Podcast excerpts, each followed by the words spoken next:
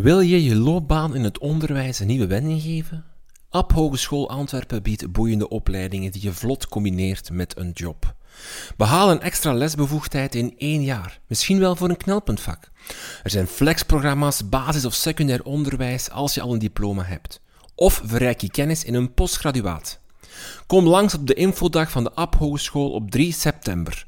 Of ontdek het aanbod op app.be of app.be slash leraren. Ah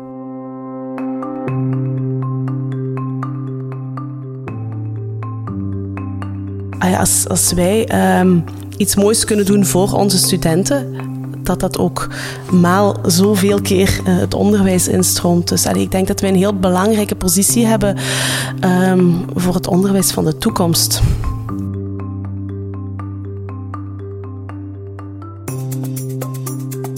Hallo en welkom bij Buiten de Krijtlijnen. Mijn naam is Rinke van Hoek en dit is uw podcast over onderwijs.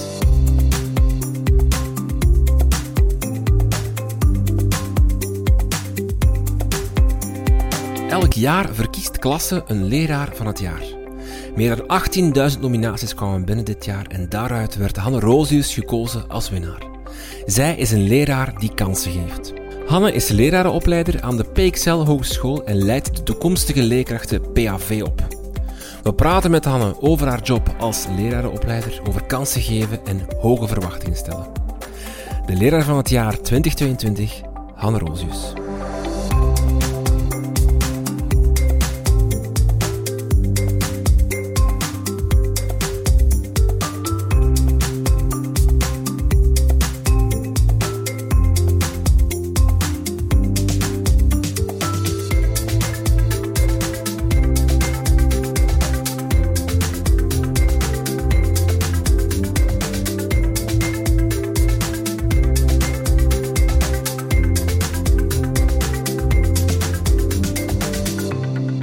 Dag Hanne. Hallo. Uh, proficiat met jouw verkiezing. Leraar van het jaar. Ja, klopt. Uh, hoe heb je die verkiezing... Hoe komt die binnen? Oh, dat was wel een, uh, ja, een binnenkomer. Zeker op het moment dat ik hoorde dat ik bij de laatste 50 kandidaten was... dat was op een heel druk moment op school. Het waren bachelorproefverdedigingen en well, mijn hoofd was daar totaal niet op ingesteld. ik heb er eigenlijk nooit aan gedacht dat ik het überhaupt ooit zou kunnen worden. Dus het was wel een, uh, een aangename overrompeling. Gekozen uit 18.000 inzendingen. Mhm, ja. Is dat zo, is het een soort van bekroning van, van al het werk? Zie je het zelf als een bekroning van al het werk dat je doet? Ik vind het um, een aangename be bevestiging dat de dingen wel binnenkomen bij studenten zoals ik ze bedoel. Ja. Dus in, in, dat opzicht was het wel een mooie... Uh, bekroning. Maar ja, ik zie het natuurlijk ook vooral als een, een, symbolische bekroning. Want ja, wie ben ik om de leerkracht van het jaar te zijn? Ik ben ervan overtuigd dat er heel veel andere leerkrachten uh, gelijkaardige dingen doen. Of misschien zelfs betere dingen. Uh, maar dat ik op dat moment misschien een mooi profiel had om naar voren te schuiven in deze tijden. Je bent een uh, lerarenopleider. Daarom, dat is ja, misschien ook wat speciaal aan de Mhm. verkiezing. Meestal denken we bij leraar van het jaar... Uh, ze hebben ook al eens uh, zorgleerkracht gedaan. Ze doen elk Mhm. jaar een andere insteek. Nu, nu is het een lerarenopleider. Ja. Um, blij dat dat beroep zo ook wel als leraar wordt bestempeld en als iemand die, die dingen aanleert en, en de leraar van het jaar is? Ja, absoluut. Uh, want ik, ik, denk dat wij als lerarenopleider wel uh, een heel boeiende job hebben, een interessante job. Um, waar we vaak ook wel, denk ik, soms wat commentaar op krijgen van de lerarenopleiding. Heeft het zo makkelijk te zeggen en, en ze moeten maar eens komen kijken in de praktijk. En dat hoor je zo wel eens. Maar ik denk dat we als uh, lerarenopleider alleen maar onze job goed kunnen doen als we heel veel contact hebben uh, met die praktijk, met het onderwijsveld, als we daar zelf ook in durven duiken. Uh, en ja, ik vind het wel mooi dat ik nu ook een forum krijg om aan te tonen hoe we dat doen, hoe we dat kunnen doen. Uh, en daarboven denk ik dat als, als wij um, iets moois kunnen doen voor onze studenten, dat dat ook maal zoveel keer uh, het onderwijs instroomt. Dus ik denk dat wij een heel belangrijke positie hebben um, voor het onderwijs van de toekomst. Hmm. Hoe ben jij in het onderwijs beland? Um, hoe ben ik daarin beland? Uh, voor mijzelf is altijd een evidentie geweest dat ik in het onderwijs zou terechtkomen. Ik weet ja, ik vermoed dat mijn uh, familie daarvoor wat tussen zit. Uh, de leraars stapelen zich op tot generaties terug, zoals dat vaak wel zo is. Dus ik ben opgegroeid met de gesprekken over onderwijs. Mijn moeder was kleuterleidster, mijn vader uh, logopedist in buitengewoon onderwijs. Zelfs mijn grootmoeder stond in beroepsonderwijs, onderwijzers tot op overgrootvaders toe ja, dan ben ik ook nog samen met een partner die ook in het onderwijs staat en zijn ouders ook. Dus ja, het was zo bijna een evidentie, maar ook wel iets dat echt goed bij uh, de dingen past die ik graag doe en waar ik energie van krijg. Dus allee, het was een, een evidente keuze. Uh, ik, ben heel graag bezig met jonge mensen. Ik luister graag naar hun verhalen. Um, en, en, wat ik heel graag doe, is mij verdiepen in allerlei actuele onderwerpen inlezen en dan gaan experimenteren en dingen uitproberen uh, om te kijken hoe ik dat tot bij jongeren uh, binnenkrijg, zal ik maar zeggen. Ja. En ja, ik ben aan pedagogische wetenschappen gaan studeren. Um, en dan ben ik echt als bleuke, achteraf gezien, ja, niet te begrijpen dat ik als bleuke zo in de lerarenopleiding terecht kwam. En dan nog wel voor een vak dat op dat moment amper een, een traditie had, uh, project Algemene Vakken, dus de geïntegreerde basisvorming in beroepsonderwijs. Ik ben daar eigenlijk in moeten duiken op dat moment. Uh, achteraf gezien uh, een, een, hele mooie kans. Maar als ik daarop terugkijk, ja, toch wel vreemd en apart dat ik daar zo zonder ervaring in ben moeten duiken. Ja. Heb je dan eigenlijk ooit voor de klas gestaan, als in, in, in het leerplichtonderwijs? Nee, ik ben onmiddellijk in de lerarenopleiding binnengestroomd, wat natuurlijk uh, ja, een, een, een, gemis is, hè? Absoluut. Um, en dat heb ik ook meteen ervaren, dus ik heb mijzelf wel vanaf het begin voorgenomen om onmiddellijk ook die klaspraktijk op te gaan zoeken. Um, op dit moment is dat ook iets wat bij ons in de hogeschool structureel gebeurt. Dus als lerarenopleider moeten wij om de zoveel tijdens twee weken klassen overnemen in het secundair onderwijs. Uh, ik heb ook een, voor een stukje een onderzoeksfunctie waarin ik uh, nieuwe dingen uh, creëer en uittest. En dat ga ik dan ook altijd zelf doen in het onderwijs. Um, wat ook vaak situaties oplevert dat het zweet mij ook wel eens op de rug staat. Of dat ik iets ga uitproberen dat in de ene klas zeer goed werkt en in de andere klas volledig niet. Dus ik heb dat uh, zo proberen op te lossen. Um, en dat is iets wat studenten ook wel heel erg appreciëren. Um, dat ik ook eerlijk kan vertellen van, goh, toen op dat moment uh, stond daar een klas vol jongens met de pet op naar mij te staren en waren ze niet bereid om enigszins mee te doen, bijvoorbeeld. Hm? Um, dat is nodig om je job als lerarenopleider goed te kunnen doen. daarnaast heb ik, ben ik ook gezegend met een uh, heel fijne collega vlak langs mij, die dan recht uit de praktijk komt met twee voeten. Dus eigenlijk samen geeft dat een hele fijne, uh, fijne, ja, fijne combinatie om, om de leraren van morgen op te leiden. Je zei het daarnet al, want het wordt soms wel eens gezegd als kritiek van uh, die leraaropleiders vaak uh, vanuit, ja, geen ivoren toren, maar vanuit een, een lerarenopleidingsgebouw, geen, geen voeling met de praktijk. Is dat een terechte kritiek, vind je? Niet per se op jou, maar op de leraaropleiding als instituut of zo? Dat, Ik denk dat de lerarenopleiding de dag van vandaag echt wel uh, heel veel moeite doet om, om, om dat niet te doen, zo werken vanuit de Ivoren Toren. We hebben uh, echt wel heel veel contact met het netwerk. Uh, ik denk vandaag de dag ook op de lerarenopleiding, althans bij ons, dat dat niet meer zo gebeurt, dat je rechtstreeks vanuit de universiteit, zoals ik in de tijd, een lerarenopleiderfunctie opneemt, maar dat echt wel geprobeerd wordt om mensen voor de lerarenopleiders uh, leiding te krijgen die, uh, ja, die voldoende praktijkervaring hebben om in te kunnen brengen. Ja. Um, en dan sprak ik daarnet ook over het project. En onze school heet dat het project Marco Polo. Zoals Marco Polo de wereld ging ontdekken, wordt van ons ook echt gevraagd dat wij het secundair onderwijs of het lager of het kleuteronderwijs blijvend herontdekken. Uh, door echt wel terug te gaan en, en te ervaren wat het is. Ik probeer dat ook altijd op dezelfde manier te doen als mijn studenten dat moeten doen. Um, dus dat wil zeggen dat ik mijn lessenrooster ook aan hen geef en zij bij mij ook onverwacht op stagebezoek moeten komen. En ik kan u garanderen dat dat inderdaad klopt wat ze soms zeggen, dat uh, de lerarenopleider altijd net in de slechtste les uh, op bezoek komt. Um, de leraar van het jaar die kansen geeft. Dat was uh, een beetje het thema dit jaar voor, voor klassen om, om op zoek te gaan naar de leraar van het jaar. Ja. Um, hoe zou jij jezelf omschrijven als leerkracht? Ehm, ik ben eh, blij dat ik leraar van het jaar geworden ben binnen dit thema, want ik denk wel dat ik een kansengever ben. In die zin um, dat ik echt wel altijd probeer te kijken naar of te ontdekken naar welk potentieel zit er in elke student. Los van hoe die de leraaropleiding binnenkomt, uh, wat de achtergrond is en waar die vandaan komt.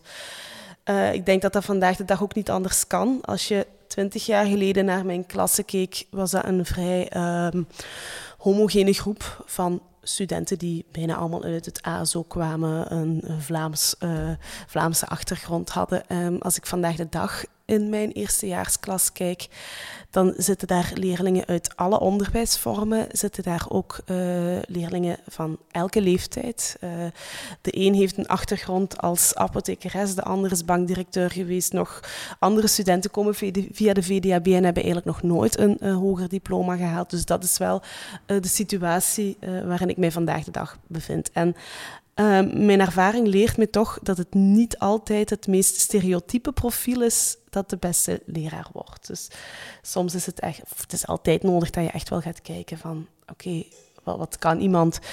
En um, het is geregeld nodig, of elk jaar zitten er wel twee, drie studenten uh, waar ik echt naar moet uh, gaan, gaan zoeken van wat kunnen ze, maar die ik ook echt moet uh, aanhalen. Een gesprekje in de gang of in zijn sms'je apart om, om te horen van waarom lukt dat hier niet. Ofwel, uh, ja, en in dat opzicht denk ik wel dat ik een kansengever ben. Dat typeert mij als leraaropleider. En daarnaast uh, denk ik, als je dat aan mijn collega's zou vragen of aan mijn studenten, dat ze allemaal gaan zeggen dat ik uh, bijzonder graag experimenteel te werk ga, dingen uitprobeer, durf mislukken en dat ik studenten ook mee op pad neem om, om dat samen te ontdekken. Um, vroeger dacht ik, of vond ik in de leraaropleiding zelf, dat je eigenlijk in een oogopslag kon zien dat is een leerkracht en dat niet. Al zin zo gewoon aan zijn of haar presence voor de klas en zo. Allee, je had dan zo van die. Um, hoe noemt dat nu weer? Ja, peer teaching of zo. Dus dat je les ja. van je klasgenoten in de leraaropleiding. En dan eigenlijk vaak had ik het gevoel, en ik had het gevoel dat de leraaropleiding dat ook wel zo'n beetje uitstraalde of zo. Um, ben je daar, vind je dat ook? Als ik je nu, stel dat we nu tien mensen zouden binnenlaten, we laten die allemaal om uh, vijf minuten lesgeven aan ons. Mm -hmm. Zou je dan kunnen zeggen van die zes wel, die vier nee? Goh, ik heb mezelf dat een klein beetje afgeleerd. Um, om zo onmiddellijk die X-factor te. Of te denken dat je die kan spotten. Um, voor een stukje zit daar waarheid in. Hè? Uh, voor een stukje ja, heb je studenten. Maar leraarschap is natuurlijk veel meer dan alleen die présence. Um, en, en dat dat is belangrijk. Uh, en dat moet er zijn of dat moet aangewakkerd kunnen worden. Maar dat is er niet altijd bij iedereen uh, onmiddellijk vanaf dag één. Soms zit daar een laagje verlegenheid over. of zie je studenten echt pas openbloeien na een paar weken. Of soms zelfs echt pas na de, de eerste stages. Dat je ziet dat studenten zeggen, oh, nu heb ik het gevonden, ik heb hier echt energie van gekregen. Um, dus ik heb mezelf dat toch een beetje afgeleerd. Ook om, omdat er toch ook wel iets omgekeerd is. Uh, waarin soms studenten die zeer mondig zijn en met heel veel flair voor een groep staan, niet altijd degene zijn die die met veel diepgang uh, ja. willen werken of, uh, of die graag uh, ja, een leerplan doorpluizen. Of, ja, allee, al die andere dingen die er ook bij horen. Hè. Dus ik vind het lerarenberoep te complex om te zeggen van, ga, je ziet het meteen. Maar een stukje waarheid schuilt daar ook wel in natuurlijk. Het is misschien zelfs op zich is het ook een beetje het, het, het uh, stereotype beeld van inderdaad de mondige, flaire leerkracht. Ja. Alsof dat het ideaalbeeld is van leerkracht. Ja. Alsof iemand timide of iemand ja. introverter of net voilà. niet zo heel... Dus geen spraakwaterval, maar net... In, wat, wat ik zou zeggen, in twintig zinnen kan die misschien in vijf zinnen... Het zijn wel vijf rakenzinnen. Dat Absoluut. is op zich ook een... Ja, of je weet... Uh, soms ook niet welke rugzak een student uh, meedraagt. Um, het zijn soms de studenten die het minste spreken over hun achtergrond. Um, ja, die, die toch wel gehinderd worden af en toe. Ik kan daar, ik kan daar wat voorbeelden van geven als je wil. Uh, maar er zijn soms studenten die met, met zeer veel schaamte in de lerarenopleiding zitten, omdat ze uit het beroepsonderwijs komen. En um, ik blijf ook altijd zeggen, ook op een infodag, dat het beroepsonderwijs niet, zeker niet de ideale vooropleiding is om het tot leraar te schoppen. Maar ik heb de afgelopen twintig jaar ook wel een aantal keer zeer mooie leraarprofielen uh, uh, uit het beroepsonderwijs toch leraar zien worden, om te zeggen, nee, je mag daar niet aan beginnen. Uh, in de, de laatste klasse staat daar trouwens een heel mooi voorbeeld van. En ik krijg zo regelmatig ook mensen uh, in de klas die dan de eerste weken zo maar denken, ik ga niet antwoorden, want, want ik weet het toch niet. En ja, ik heb zo nu iemand voor de geest die ik zelfs op het examen even door elkaar heb moeten schudden van hey, maar ik hoor u nooit in de klas. Andere studenten stellen zich vragen waarom dat, jij hier zit. En op jouw examen, en als ik jouw papers nalees, dan zie ik dat jij echt wel helemaal mee bent. Maar waarom waarom durf je dat niet tonen? Want jij geeft eigenlijk echt aan iedereen de indruk dat jij hier niet op je plaats zit. En ik vind dat jammer. Um, en dat soort schouderklopjes ja, dat hebben studenten soms wel nodig. Is, is kansen geven dan enerzijds geduld hebben met, met, met je student? Ze niet afschrijven na die eerste keer uh, voor de klas staan of eerste keer iets doen? Of, of, uh, Zeker. Is, is, is, is goed, goed observeren, kijken. De wandelgangen zijn voor mij even belangrijk als de lessen zelf om te zien wat er, ja, wat voor iemand een student is. Dus ja, niet te rap opgeven, maar omgekeerd ook wel heel eerlijk durven aangeven van kijk, dit is niks voor jou. Ja, um, want, ja. ja dus de, kansen geven wil niet zeggen dat iedereen leraar kan worden. Integendeel, ik krijg ook heel wat studenten binnen die niet geschikt zijn voor het leraarschap. En daar eerlijk over communiceren, um, maar dan op zo'n manier dat dat ook um, hoe moet ik dat nu zeggen, uh, dat ze niet afgeschreven zijn. Ik heb zo bijvoorbeeld een student gehad, die, die, die was heel vlot en heel goed met de leerlingen en heel dynamisch. Maar God, die, die, vond het echt niet leuk om actualiteit bij te houden of om een les voor te bereiden. Uh, en, en, daar heb ik een lang gesprek mee gehad. Uh, en, en, ja, die heb ik richting opvoeder gestuurd. En die bedankt mij nu, jaren later, nog regelmatig van... Mevrouw, bedankt dat je dat toen gezegd hebt, want dat was inderdaad mijn ideale job. Dus kansen geven betekent... Je geeft iemand soms ook een kans door te zeggen... Nee, dit is echt geen beroep voor jou. Want het leraarschap eist toch wel wat van je. Als je daar niet op je plaats zit, uh, is dat een zwaar beroep om dragen. Hoe verhouden kansen geven en verwachtingen zich met elkaar?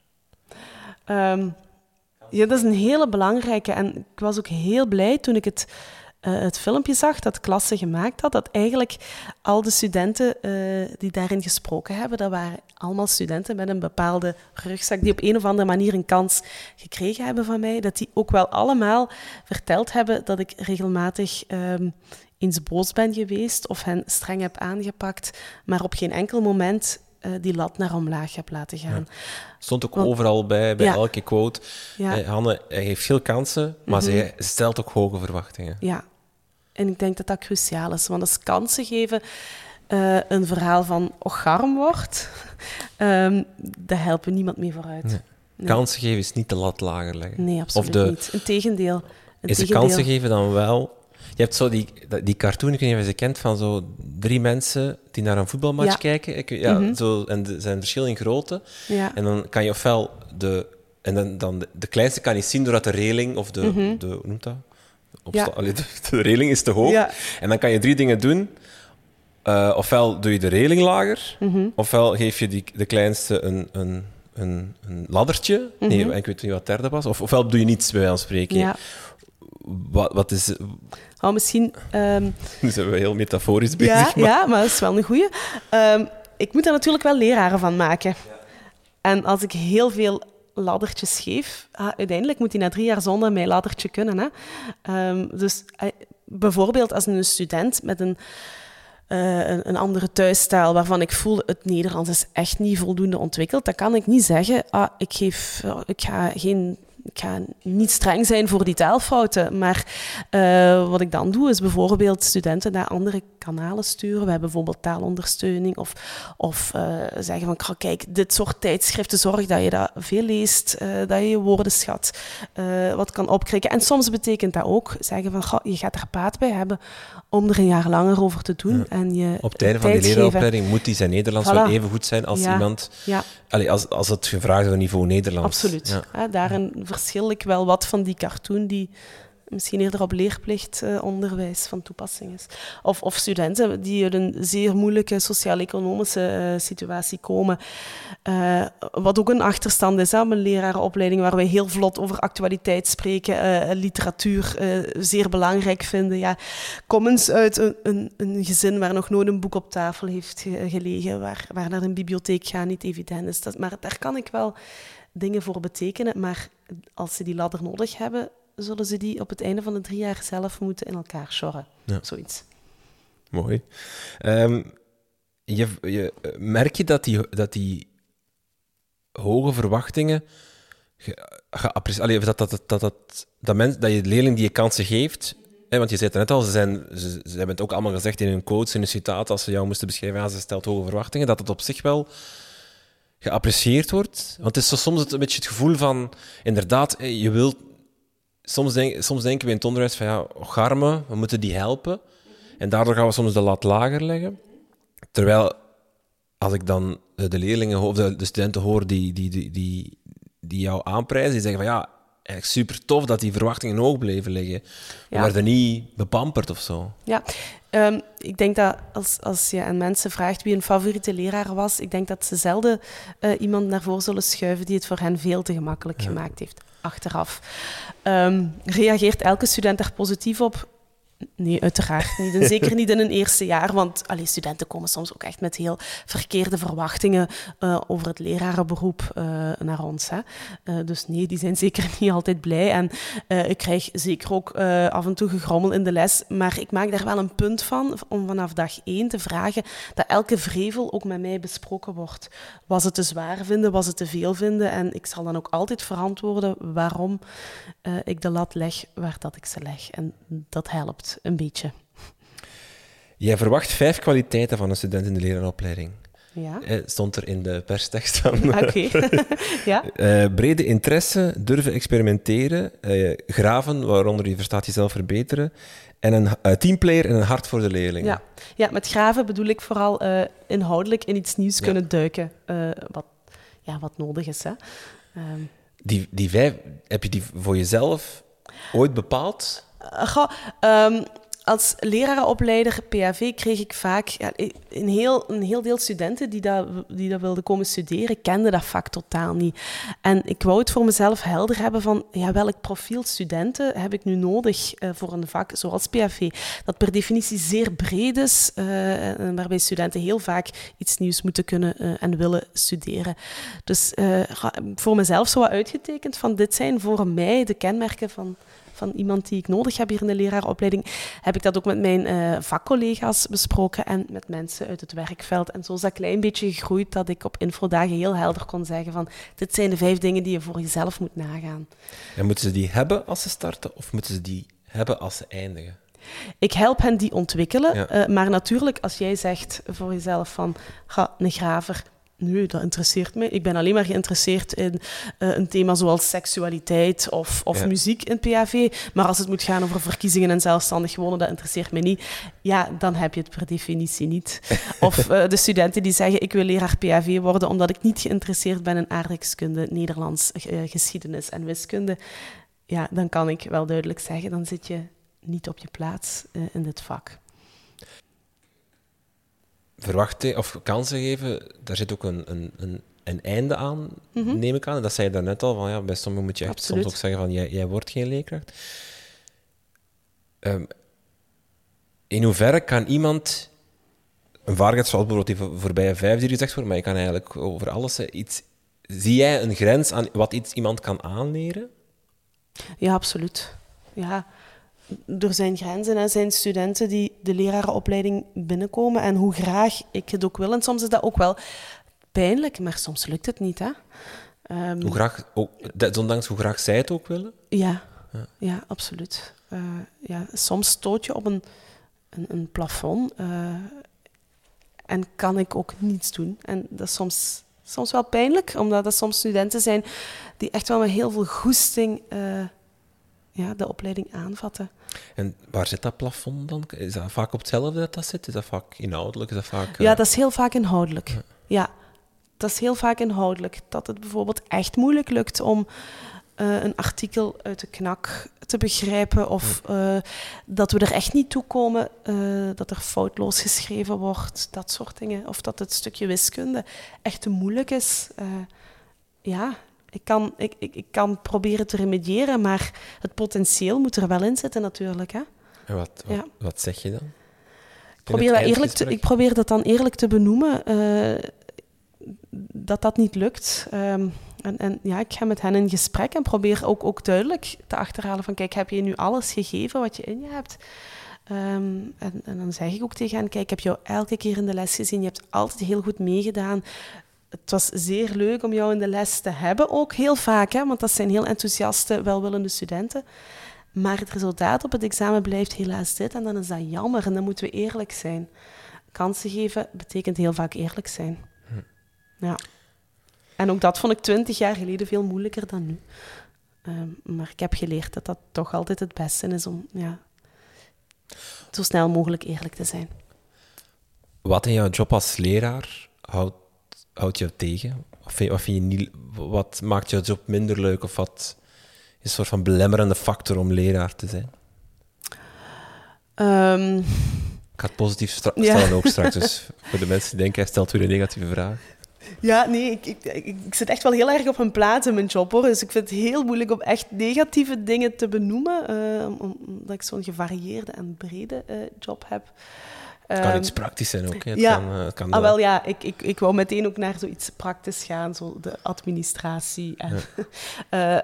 ja. vandaag de dag. En ik hoor ook van, van mentoren waar ik veel mee samenwerk, dat dat zeker in het secundair onderwijs ook meer en meer begint te komen. de procedures en de evaluatie.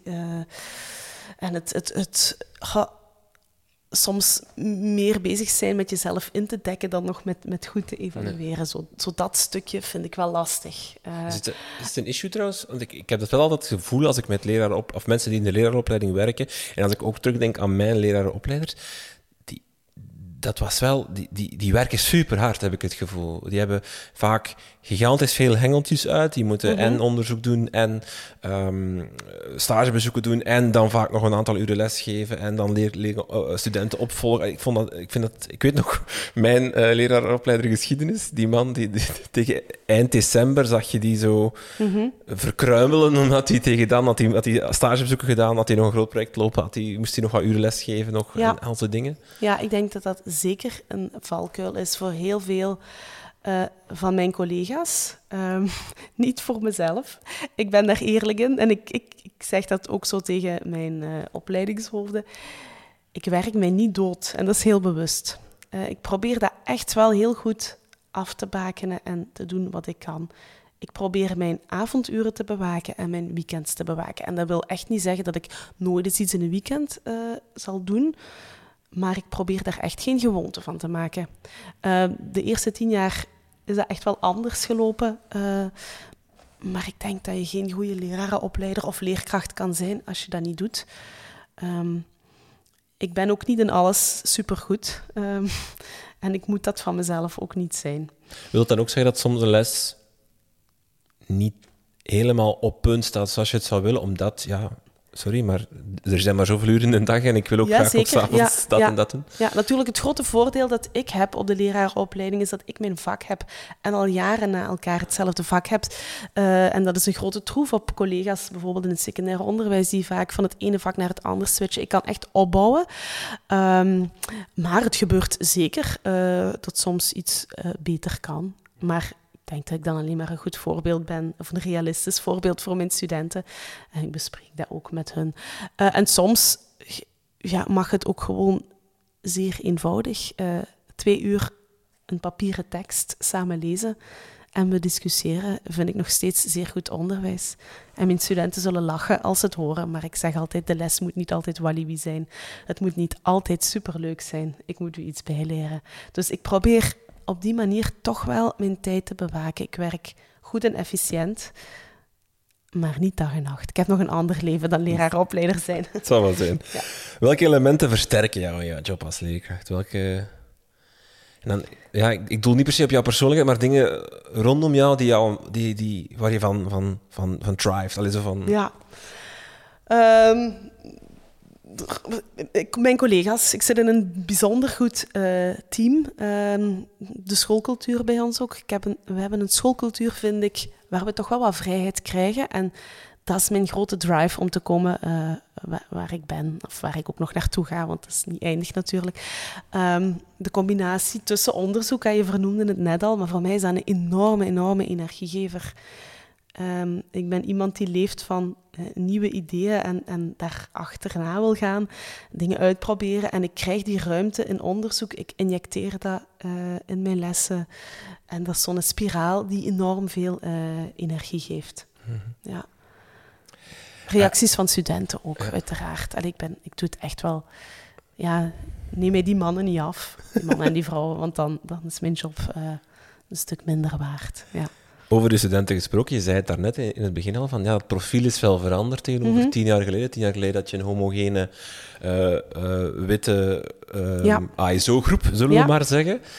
Nu zeg je het is veranderd, het is veel diverser geworden, mm -hmm. op naar opleidingsniveau, naar migratieachtergrond en dergelijke. Um, ik las, of ik ga, ik ga, ik ga het altijd, hoe, hoe kijk je naar die verandering? Ik vind dat, ik vind dat zeer positief omdat het onderwijs ook nood heeft aan heel verschillende profielen. Uh, ik denk dat wij nog altijd uh, veel te veel uh, de, de Vlaamse middenklasse vrouw voor de... om, ik trek het nu wat op flessen, hè, dat wil nee, ik zeggen, maar, want ik ben, ik ben dat zelf ook. Het zal um, altijd maar, 60, 70 procent van alle leerlingen ja, zijn, denk ik. Ja, ja, ik denk dat, dat leerlingen ook baat hebben om af en toe een ander profiel te krijgen. Um, ja, als ik in mijn klas zie, is dat ook in die klas zelf heel verrijkend. Mm -hmm. uh, om daar een 40-jarige uh, of een 40-plusser tussen te hebben die al een hele rugzak vol levenswijsheid is, heeft. Um, en soms is die net heel, heel interessant. Als ik bijvoorbeeld iemand heb die uh, jaren camionchauffeur geweest is en een moeilijke cursus heeft moeten volgen en daar ontdekt heeft op zijn 40ste van eigenlijk doe ik dat wel graag. en die dan binnenkomt, is super gemotiveerd en heeft ook dat stukje praktijkervaring, wat ik niet heb, maar wat ik zeer goed kan gebruiken uh, in mijn lessen over wiskunde bijvoorbeeld. Ja. ja. En ik merk dat studenten ook, de eerste weken vinden ze dat wel raar. Hè? Zeker zo mijn typisch ASO-profieletje dat zo binnenkomt, vindt het dan wel vreemd om langs iemand te zitten die, die wat minder gestudeerd heeft of, of iemand die wat ouder is. Maar, maar ik vind na een tijdje dat die elkaar wel beginnen uh, appreciëren en ook vaak andere rollen opnemen in dat, dat leerproces.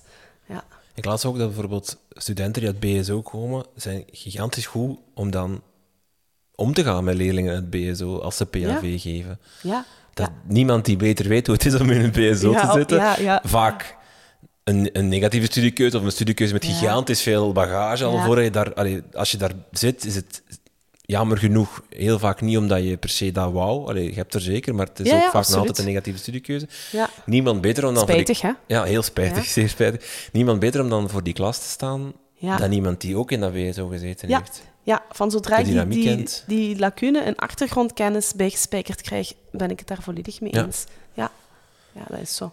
Sommigen zeggen dat het, uh, het niveau van de leerkracht mm -hmm. gedaald is de voorbije ja. jaren. Hè? Omdat, onder meer, er veel meer TSO en BSO-profielen uh, mm -hmm. instromen in de leraaropleiding en ook afstuderen in de leraaropleiding. Daardoor is de kwaliteit van de leerkracht gedaald. Mm -hmm. Ben je het daarmee eens? Ik denk, ik, ik erken dat dat een valkuil is. Uh, dat we, dat we de, de lat inhoudelijk uh, niet omlaag mogen, mogen leggen. Is dat iets wat, sorry dat ik je onderbreek, maar is dat iets wat, misschien onbewust gebeurt bij leraaropleiding? Omdat, ik kan me wel voorstellen, als je vroeger een examen deed en iedereen, het gemiddelde was 12, 14 op 20, mm -hmm. en je doet nu een examen en het gemiddelde is opeens 11 op 10 of 9 op 20. Ja. En dat heeft te maken met het feit dat je populatie anders is. Mhm. Dat je toch de neiging hebt van, oei, mijn examen is te moeilijk. Mhm. En misschien heb je helemaal die redenering niet gelegd met, of de link niet gelegd met, ik heb opeens meer TSO en BSO profielen in mijn, in mijn klas. Ja. Maar dat je toch be- be- de link, of be- onbewust zegt van, oei, dat is wel niet zo goed dat ik hier 60, 70 procent van mijn leerlingen buis. Maar ik, denk- ik denk dat het eh, een beetje een algemene maatschappelijke trend is. ehm, dat we bijvoorbeeld, ik zie dan het secundair onderwijs evenzeer, hè, eh, mogen we nog punten aftrekken voor taalfouten? Ja. Mogen we nog van leerlingen vragen eh, dat ze een lange tekst lezen? Ik denk dat dat een algemene trend is dat we daar ja op moeten blijven zeggen. Hoge verwachtingen. Niet alleen, ja, die hoge verwachtingen, daar ben ik weer. Niet alleen op de lerarenopleiding, want anders zijn we verloren. Ehm, het, het moet, dat woord welbevinden vind ik daar een heel belangrijk woord. Hè. Dat is een term die steeds meer aandacht krijgt en terecht. Hè. Ik vind het heel belangrijk dat leerlingen zich goed voelen in mijn klas. Uh, maar vaak vind ik, als ik met, met mensen spreek, dat dat toch verwacht wordt met het, ze moeten het fijn hebben. Hmm. En we, ze moeten het leuk vinden. En ja, dat vind ik echt een boosdoener van het onderwijs. Ze moeten het leuk vinden. Ik, ik, hoop dat ze het af en toe leuk vinden in mijn lessen. Ik denk het wel. Maar dat is zeker niet mijn prioritair uh, doel. Hmm. Ik vind dat een beetje een algemene trend. Uh, Ja. al, alhoewel ik toch wel zie dat er een serieuze, zeker met het rapport Brinkman en zo verder, is wel een serieuze tegenbeweging Ja. ook aan het komen hè, om die lat hoog te leggen. Ik denk dat we dat allemaal samen moeten durven doen. Ja. Dan ga ik terug naar mijn initiële Ja. vraag. Denk je dat het niveau van de leerkracht gedaald is de voorbije tien jaar? Ehm, Plus is dat... Allee, één, kunnen ze, al, we kunnen nu al een discussie starten over wat verstaan we onder niveau. Gaat het Ja, hier over intellectueel niveau ja. misschien? Want we zeiden daarnet, een, een, een leerling uit BSO, of een student uit BSO, gaat waarschijnlijk beter kunnen omgaan met, met leerlingen uit BSO. Dan is dat waarschijnlijk op emotioneel niveau sterker dan Mhm. vroeger. Allee, het is natuurlijk... Ja. ja, en ik spreek hier natuurlijk vooral ook vanuit mijn vak als PAV, want ja, ik ken natuurlijk niet alle studenten die andere vakken... Het, is zeker dat ik, dat ik meer diversiteit heb, omdat ik meer diversiteit binnen krijg, stroomt er ook meer diversiteit uit. Ehm, of dat minder is, durf ik zeker niet zeggen. Uh, Hmm. Ik hoop van niet, Nee. eerlijk gezegd. Ik zie nu studenten afstromen met een heel ander profiel dan twintig jaar geleden, maar die ook dingen kunnen die ze twintig jaar geleden echt wel minder goed uh, kunnen of durven. Bijvoorbeeld, en daar kom je weer, hè, met wat je zegt, die BSO-profieletjes, die kunnen soms, uh, of die durven soms veel meer in een klas. Uh, ik, ik, ik heb nu iemand voor de geest die, die met gemak naar Brussel durft voor zijn stage, Ja. die daar een klas voor zich krijgt waarvan ik zeker weet dat elke uh, goed ingelezen ASO-student, weer al om met clichés te spreken, onderuit zou gaan. En die met die mannen een podcast maakt. Um, dat moet je doen, hè. Hm. Een inhoudelijk interessante, uh, kritisch doordachte podcast opnemen. Uh, ja, je neemt hier met mij nu één op één een podcast uh, op, dus je zal wel weten wat dat Ja, ja, zou geven in zo'n klas. En dan denk ik, goh, dat vind ik dan toch wel ferm. En, en ik heb veel van die uh, profielen die afstuderen. Hoe meet je of iemand sterker is? Met welke bril beoordeel je dat? Daarom ben ik ook heel blij dat tegenwoordig um, als uh, scholen een, een, een, ja, nieuwe leerkracht zoeken, dat ik toch regelmatig telefoon krijg van directeurs. Uh, en dat die zeggen, kijk, dit is mijn team. Die en die en die zit er al in, die ken je. Wie zou je daarbij kunnen zetten? Snap je? Omdat, omdat er toch ook vaak meer een team gedacht wordt. Uh, van, van wie is hier aanvullend? En het is soms heel verrijkend dat de ene net inhoudelijk supersterk is op vlak van taal, uh, actualiteit, en een andere heel experimenteel. Uh, het moet, ja, alles moet aanwezig zijn, hè? begrijp me niet verkeerd, maar je hebt altijd sterktes. En, en ik merk toch dat directeurs ook heel graag voor sterke combinaties gaan vandaag de dag. Dat is ook iets wat ik twintig jaar geleden nooit kreeg, een telefoontje van een directeur, van wie moet ik nemen? En ja, de laatste jaren krijg ik toch regelmatig wel zo'n telefoontje. Dat vind ik wel, wel goed. Ja. Ik stel de vraag omdat op zich zitten we met een. Ik denk dat we dat ongeveer algemeen mogen aanvaarden met een daling van de kwaliteit van onderwijs. Wij wijzen heel veel onderzoeken uit, PISA en dergelijke. Als je daarnaast dan kijkt wat werkt er in onderwijs, dan staat de leerkracht op één. De leerkracht heeft het meeste invloed op het leerproces van de leerling. Tegelijkertijd vind ik dat de leerkracht heel, vaak, heel weinig wordt genoemd in uh, oorzaak of gevolg of oplossing van dat probleem, van, van die dalen van het onderwijs, gaat dan eerder over uh, uh, invulboeken of over uh, eindtermen of over al dat soort dingen, of over inhouden, en niet zozeer over wat eigenlijk op één staat in alle meta-analyses als we daarover spreken, um, de leerkracht. Ja, maar misschien um, krijgt Misschien is dat juist dat dat niet gebeurt. Ja, ik denk dat de leerkracht van vandaag heel wat op zijn bord krijgt. Uh, en wij als lerarenopleider nee, want wij zitten altijd mee in die golfbeweging van wat er in het veld gebeurt. Um, en dat er daardoor, merk toch soms ook weinig tijd naar de essentie kan gaan. Bijvoorbeeld voor, voor, voor de BSO-leerlingen, waar ik mijn studenten dan voor opleid om een les te geven, blijft dat voor mij toch zeer essentieel dat die taalvaardigheden heel veel aandacht krijgen. Dat die leerlingen een tekst leren lezen, dat die hun plan leren trekken als ze die tekst niet begrijpen, dat die een instructie begrijpen. Want als je nagaat waar leerlingen op stages of later op de werkvloer op uitvallen, is het dat.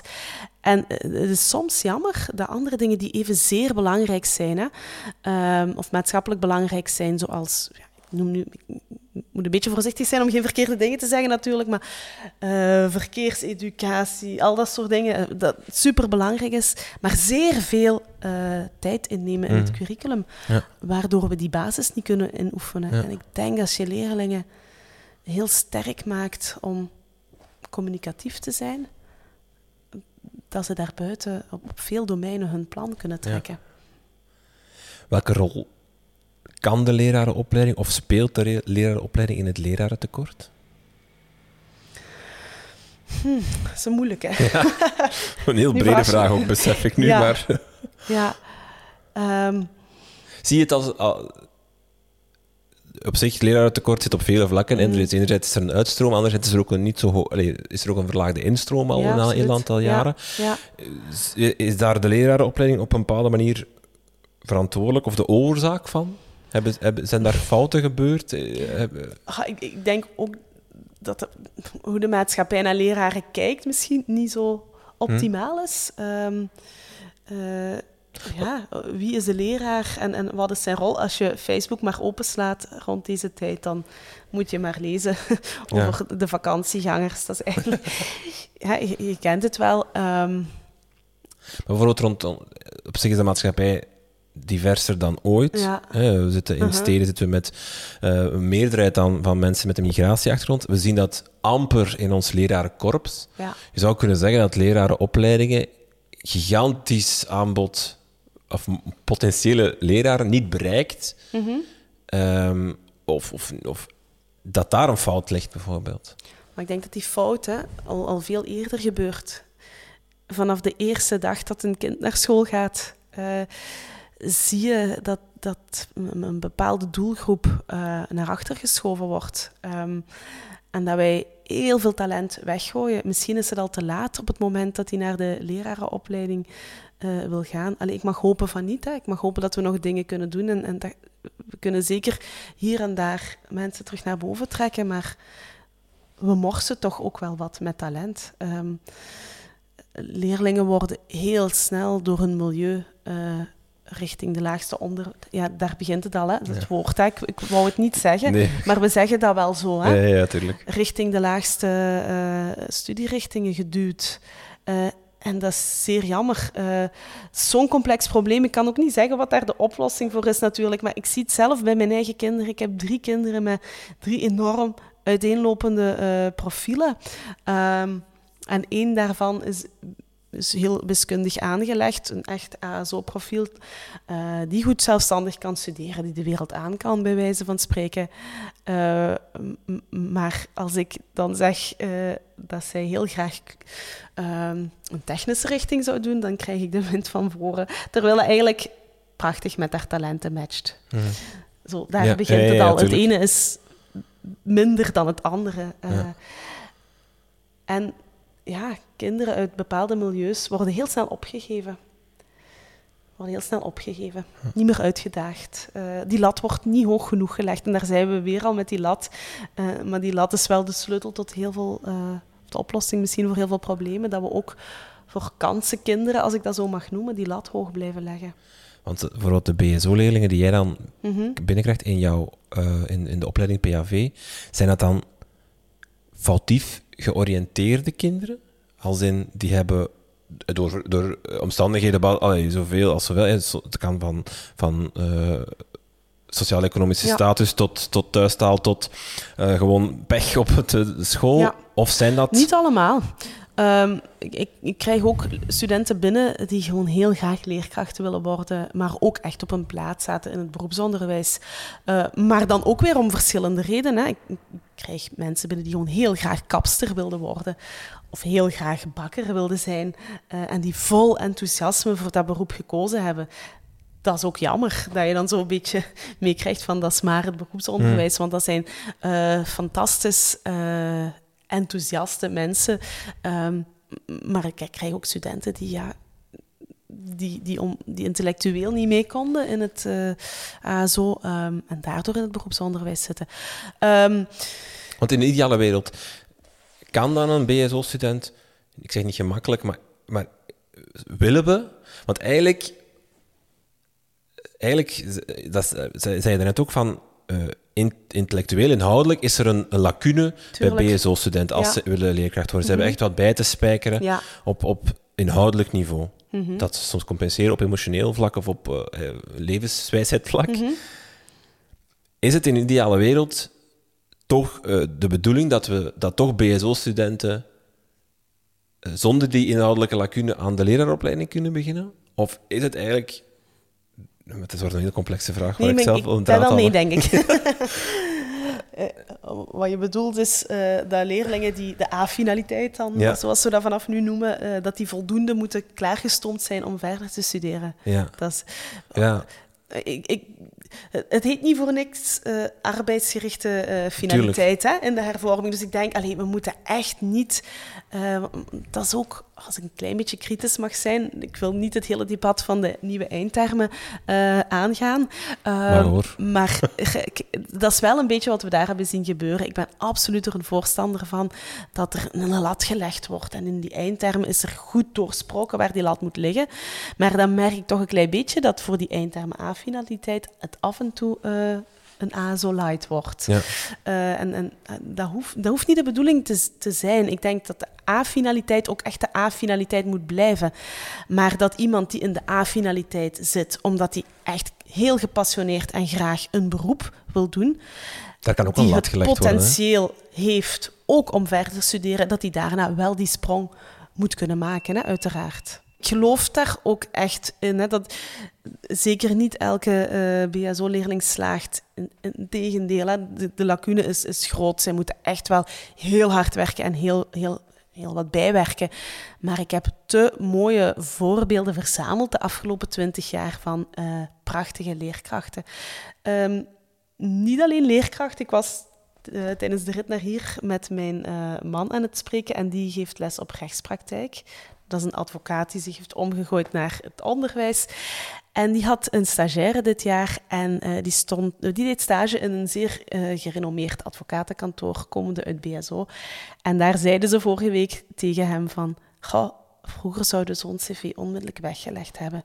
En nu hebben we hem verkozen boven een heel aantal andere vacatures met het profiel dat we vroeger gekozen zouden hebben. Dus je ziet dat dat niet alleen bij ons mm. beweegt. Hè? Ja. Um, er zit, maar de, de, de filter bouwt zichzelf in. Hè?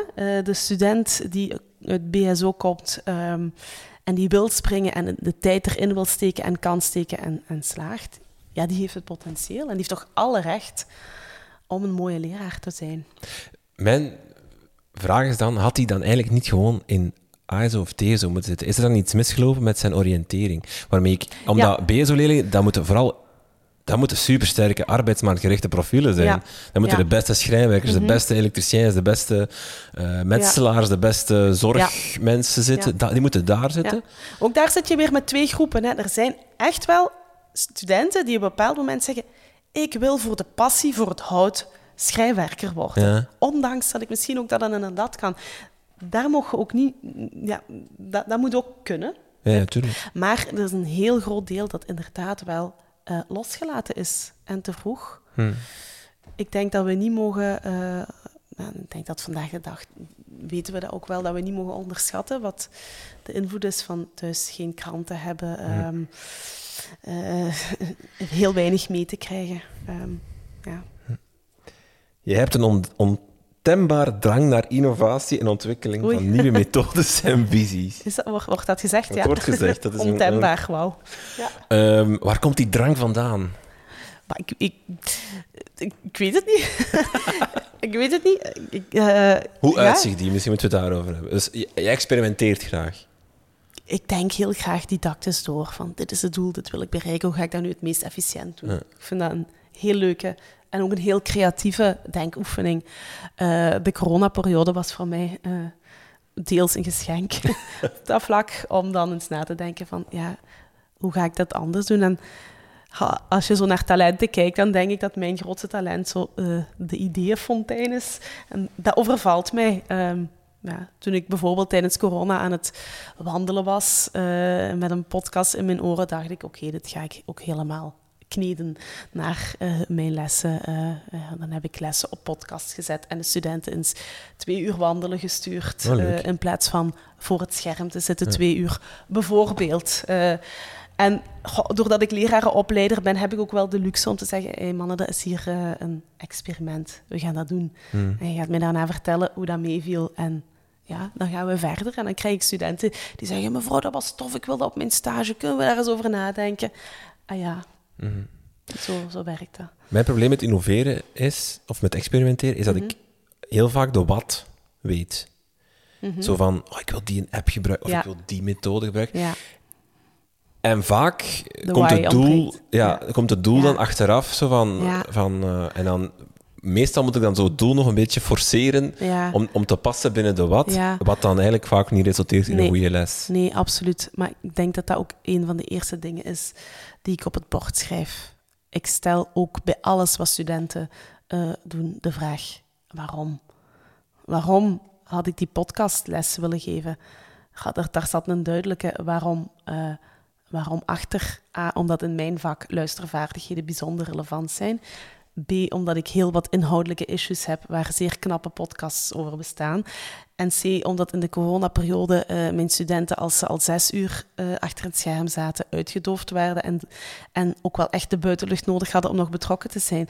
Dus ik probeer die why is altijd ook wel de eerste vraag die ik stel. Die kan je Eh, bij elke experiment of innovatie kan je die ja, zeggen. als ik de why niet kan formuleren, dan leg ik het ook wel opzij. Ja. Ja, want en dat is misschien... Nu spring ik weer naar een ander onderwerp. De digitalisering, denk ik dat daar... eh, ja, dat dat een valkuil kan zijn. Ik Ja. ben... ehm, De digisprong is heel hard debat, hè? Heb Ja. ik, allee, is mijn gevoel toch, ja, hè? eh, is debat, maar goed, gebruik de kans om hem om te buigen naar de why, want ik denk dat het een grote kans is dat elke leerling een laptop of iPad eh, in zijn handen geduwd krijgt. Maar ehm, ja, het gevaar is dat het er nu is. En ik hoop echt niet dat ik volgend jaar ga moeten zeggen, mijn kinderen zitten nu volop in de digisprong, ga hoe jammer dat die leerkracht die zo goed kon vertellen, dat nu niet meer doet, omdat hij denkt dat de leerlingen zelf een PowerPoint moeten maken over zijn lesonderwerp. Als het dat wordt, dat zou zeer, zeer spijtig zijn. Ehm, ik heb in mijn onderzoek, ik, ik heb een beetje mee aan, eh, aan het begin gestaan, denk ik, van de digitalisering, omdat ik al heel lang eh, fan ben van digitale middelen in mijn les. Ehm, maar ik durf te zeggen dat ik in de helft van mijn lessen alles ook uit laat zetten. En met papier en face-to-face werk. Omdat je heel goed moet kunnen nadenken. Wanneer geeft die eh, laptop of iPad nu echt een meerwaarde? En die is er, hè? Maar heel vaak doe ik het ook beter zonder. En dan moet je dat ook nog steeds durven doen. Studenten vinden dat heerlijk om een krant op papier te lezen. Vinden dat bijna exotisch. Ik heb vorig jaar terug zo'n een, eh, ja, een soort eh, papieren opdrachtenboekje gemaakt. Die vonden dat fantastisch. Het is echt terug bijna exotisch. Dus die, die wanneer wat? Ik hoop dat scholen die denkoefening genoeg gaan maken, zodat die why echt wel eh, voorop blijft staan. Hoe toets jij experimenten of innovaties af aan of het goed was of niet? Hoe- Ja, ik heb uh, kleinere innovaties en grotere. Dus als ik nu het voorbeeldje neem van, van die podcast, is, dat, uh, is het aftoetsen bestaat dan uit het spreken met studenten over hoe, hebben ze dat ervaren, was het efficiënt, uh, wat hebben ze eruit bijgeleerd, wat waren struikelblokken. Um, en ja, studenten zijn er zeer eerlijk in. Dus dat gebeurt ook soms dat ik zeg van ja, dit was het niet. Nu ook daar, hè, als ze zeggen van dat was vermoeiend, dat is, niet, dat is, dat is geen argument. Hè. Uh, maar praat daar met hun echt over voor door. Terwijl, de doelen, terwijl mijn doelen op bord staan. Hè. Dat ze wel weten van kijk, dit was mijn doel. Hè, dus het was vermoeiend of ik zet niet graag stappen, dat is geen argument. Um, voor mijn onderzoek eh, ja, eh, is dat natuurlijk grootschaliger. Hè? Daar werk ik echt samen met, met testscholen die meetesten, met focusgroepen, met interviews, met ondervragen. Daar is het onderzoeksmatig dan wat systematischer dat ik de vernieuwingen aftoets. Ik wil nog één uh, onderwerpje aans aansnijden, dat is, het, dat is het vak PAV. Ja? Dat is op zich... ik denk dat, het, volgens, denk dat, dat je het ergens ook zelf zegt in het artikel met klassen, is vaak soms het overschotvak waar, waar de leerkrachten ingezet worden die nog uren over hebben. Mhm. En dan denken ze, ja, PAV, dat kan iedereen geven. Zo dat gevoel ja. is daarover, dat is niet correct, ga je mij nu hier uiteraard, uiteraard zeggen. Um, maar het is op zich een... een ik heb het zelf nog nooit gegeven. Dus het project Algemene Vakken. Misschien eerst even gewoon, wat, wat, wat, wat, voor, wat is het vak? En waarom is het zo belangrijk dat je daar leerkrachten inzet die PAV gestudeerd hebben? Ja, project Algemene Vakken vormt eigenlijk het geïntegreerde aanbod van algemene vorming in het beroepsonderwijs. Dat wil zeggen dat wij uit alle algemene vakken, zal ik zeggen, die dingen plukken uh, die, die BSO-leerlingen nodig hebben om sterk in de maatschappij of op de werkvloer te staan. Ja? Bijvoorbeeld uit Nederlands, uh, ja, de, de, de, belangrijke taalvaardigheden, maar ook stukjes wiskunde, uh, financiële geletterdheid, wat tijd- en ruimtebewustzijn, organisatievaardigheid, informatiebekwaamheid en zo verder. We bieden dat geïntegreerd aan vanuit projecten. Um, waarin alles mooi aan elkaar gekoppeld wordt. Um, die projecten kunnen zeer uiteenlopend zijn. Soms is dat uh, project vooral inhoudelijk gestuurd. Ik denk bijvoorbeeld aan uh, leerlingen die in een zesde middelbaar zitten, hebben echt wel nood aan een uh, thema of een project rond zelfstandig wonen of rond democratieverkiezingen. en wat, wat, zit daar dan in? Ja, dan, gaan, dan gaan we bijvoorbeeld debatteren. Gaan we eens kijken wat verschillende politieke partijen zeggen. Gaan we statistieken analyseren die ze in de media tegenkomen. En zo proberen we al die vaardigheden met elkaar te combineren. Maar soms kan dat inderdaad ook zijn van ja, we gaan samen een podcast opnemen en daar hangen we allerlei vaardigheden aan. Het spreken, het voorbereiden, correcte taalgebruik, uh, het omgaan met digitale geletterdheid. Waar, waar, komt die podcast te staan? Wat kan ik daarin zeggen, wat niet? Hoe gaan we om met onze e-privacy? Dus ja, het is een heel maatschappelijk vak. Uh, ja. En waarom is het zo belangrijk dat, dat scholen daar echt leerkrachten PAV inzetten? Um, eh, ik merk dat het super belangrijk is dat leerkrachten gevormd zijn uh, naar, die, naar die doelgroep toe. Naar die, die doelgroep van het BSO-publiek, waar een, oh, toch wel een grote mate van kwetsbaarheid zit vaak. Um, het is PAV van de weinige vakken waar je eigenlijk al kan zeggen, jij zal in het BSO terechtkomen. Ja. Want bij geschiedenis of bij Nederlands of bij Frans ja. ja heb je het hele brede scala. Ja, in het BSO, maar, maar dan wel het brede scala naar leeftijd toe. Hè? Zowel van het eerste tot uh, het zes of zevende jaar. Um, en, en, en het is ook een van de weinige vakken waar je dan ook redelijk wat uren besteedt in, in dezelfde klas. Tenminste, als de school de integratiegedachte helemaal uitwerkt in het curriculum. Hè. Um, ja, dat klopt. Ja. Uh, maar nu even terug naar die, waarom, waarom ja. het belangrijk is dat, dat leerkrachten daar uh, gevormd zijn. Um, kijk, de, het is vooral een didactisch zeer uitdagende uh, job. Hm? Ik zeg altijd tegen de studenten, uh, je moet bijvoorbeeld uitleggen hoe je een procent berekent. Uh, dat is op zich niet moeilijk voor ons als leerkracht. Wij kunnen dat. Maar erbij stilstaan hoe je dat doet bij een leerling die al eigenlijk afgehaakt heeft in het vierde leerjaar, hoe, hoe, ga je dat dan doen? Dan wordt het pas ja. heel erg moeilijk. Dus is echt wel, je, moet, je moet ook echt wel kiezen uh, om, om dat stukje kwetsbaarheid mee te nemen in je job. Om uh, ook, ook heel vlot te kunnen schakelen naar soms een ruzie op de speelplaats. Uh, dat zien als een ultieme kans om aan taalvaardigheden te werken. En hoe druk ik mij uit en mm. hoe vooral ook niet. Want dat zijn leerkansen waar die kinderen enorm mee gebaat zijn in hun latere leven. Mm. En dat, is echt wel wat, wat wij leerkrachten ook aanleren. We willen zeggen dat leerkrachten die geen PHV-opleiding genoten hebben, per definitie dat niet goed doen. Absoluut niet. Hè? maar ik merk wel dat die heel vaak nood hebben om dingen bij te leren en dat die uh, echt, echt op zoek gaan naar uh, navormingen, cursussen, dat die oververtegenwoordigd zijn in de, in de workshops die ik geef of in de lezingen, dat die echt wel uh, een honger hebben naar um, het, het geïntegreerd werken is ook meer dan een flauw themaatje, als ik het zo mag zeggen. En ik, het is een complex gegeven, toch? Het is een heel, heel complex gegeven om A, niet te oppervlakkig te blijven, B, niet te forceren, want je krijgt heel snel uh, leerkrachten die daar niet, niet goed in thuis zijn. Uh, ja, uh, thema muziek, oké, we gaan de oppervlakte van een cd berekenen, gaan dat eens eerlijk zijn. Daar heeft niemand iets aan, hè. daar maak je leerlingen niet, niet echt maatschappelijk sterk mee, maar, maar dat, dat krijg je dan wel. Um, dus het, het, allez, het moet echt nog wel het moet, de why, ook hier, hè? Ja, ja, Die why. waarom zou je dat überhaupt doen? Het lijkt me inhoudelijk ook wel ja, toch ook niet gemakkelijk. Je moet toch wel van veel markten thuis zijn. Als je en over seksualiteit en over procent berekenen en over verkeerseducatie de expert moet zijn voor die leerlingen. Want oké, ik kan me voorstellen dat de, dat de inhouden voor, nie, voor, voor, niet voor niemand, maar dat die op zich mhm sava zijn, zal ik maar zeggen, mhm. maar de inhouden kunnen uitleggen, wat toch nog een dieper inzicht in de inhoud... als je procent berekenen wilt uitleggen, dan moet je niet alleen dat kunnen door op een rekenmachine dat te kunnen doen, maar moet je ook kunnen zeggen, zo ga jij het doen. Dat lijkt me wel... en je moet dat kunnen tekenen en je moet dat kunnen verbeelden op duizend verschillende manieren die je in honderd contexten tegenkomt. Ja, ja, Om maar te zeggen, je moet, je moet die, die leerkansen overal kunnen zien. Hè. Um, maar dat is iets wat ik constant doe. Als ik op een skatepark zie, dan zie ik ah ja, de helm, weerstand, uh, wrijving. ik zie alles voor mij. En, en dat is wat ik studenten probeer uh, aan te leren van... Kijk, je komt ergens, je, je, ziet iets, uh, je, moet dat, je moet dat PAV leren zien. Uh, en, en, daar ben ik heel veel mee bezig. Maar dan komt inderdaad ook weer die inhouden, die, en dat is weer dat inhoudelijk stukje, die lat die enorm hoog moet. En dat is voor mij inderdaad een bijzonder grote uitdaging.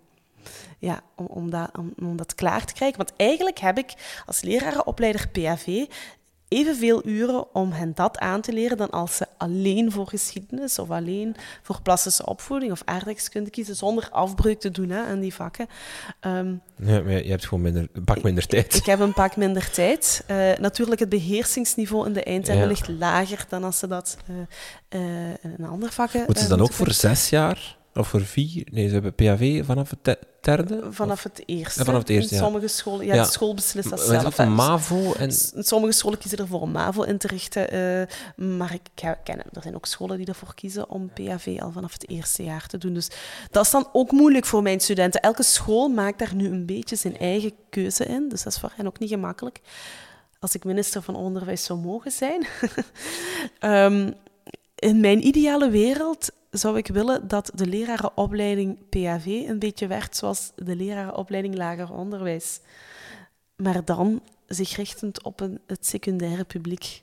Uh, en dat ik echt de ruimte zou hebben om van al die onderdelen een apart vakje te maken.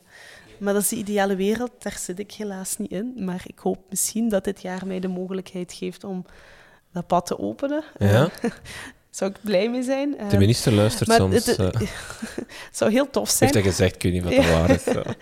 um, maar ik, ik denk dat dat een enorme kans zou zijn. Ook omdat je dan het publiek zou aantrekken dat echt kiest voor dit publiek. Allee, ik heb dat nu ook natuurlijk. Maar dan zou je een hele mooie uh, opleiding krijgen die zich echt profileert naar mensen die lager onderwijs willen doen, maar ook een stukje maatschappelijk assistent zijn of zo, die, die, die dat zouden willen kiezen. Um, ja, als ik mijn why helemaal wil bereiken, om, om die te blijven gebruiken, die why, uh, dan zou ik mijn what zo organiseren. Ja. Oké. Okay. Anna, wat mag ik jou wensen voor het komende schooljaar? Um, een, een, een goede band met de studenten, een fijne klas, veel kansen om verder te experimenteren. Ehm, ja, zoals alle jaren. Oké, dan wens ik jou dat en heel veel dank voor dit gesprek. Dank je wel om mij uit te nodigen.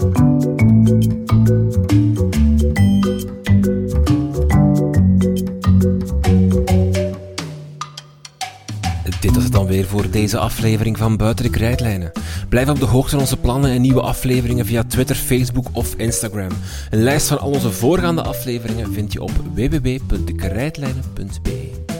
Ook u kan helpen om deze podcast beter te maken en te ondersteunen. Dat doe je door vriend van de show te worden. Via onze website kan je vriend van de show worden en een donatie doen. Dat kan een eenmalige donatie zijn of ook op maandelijkse basis. Dan doneer je 2,5 euro per maand. Surf dus naar www.dekrijtlijnen.be en haal even die bankkaart boven en steun ons. Je krijgt dan ook toegang tot exclusief bonusmateriaal. Dank voor het luisteren en tot de volgende.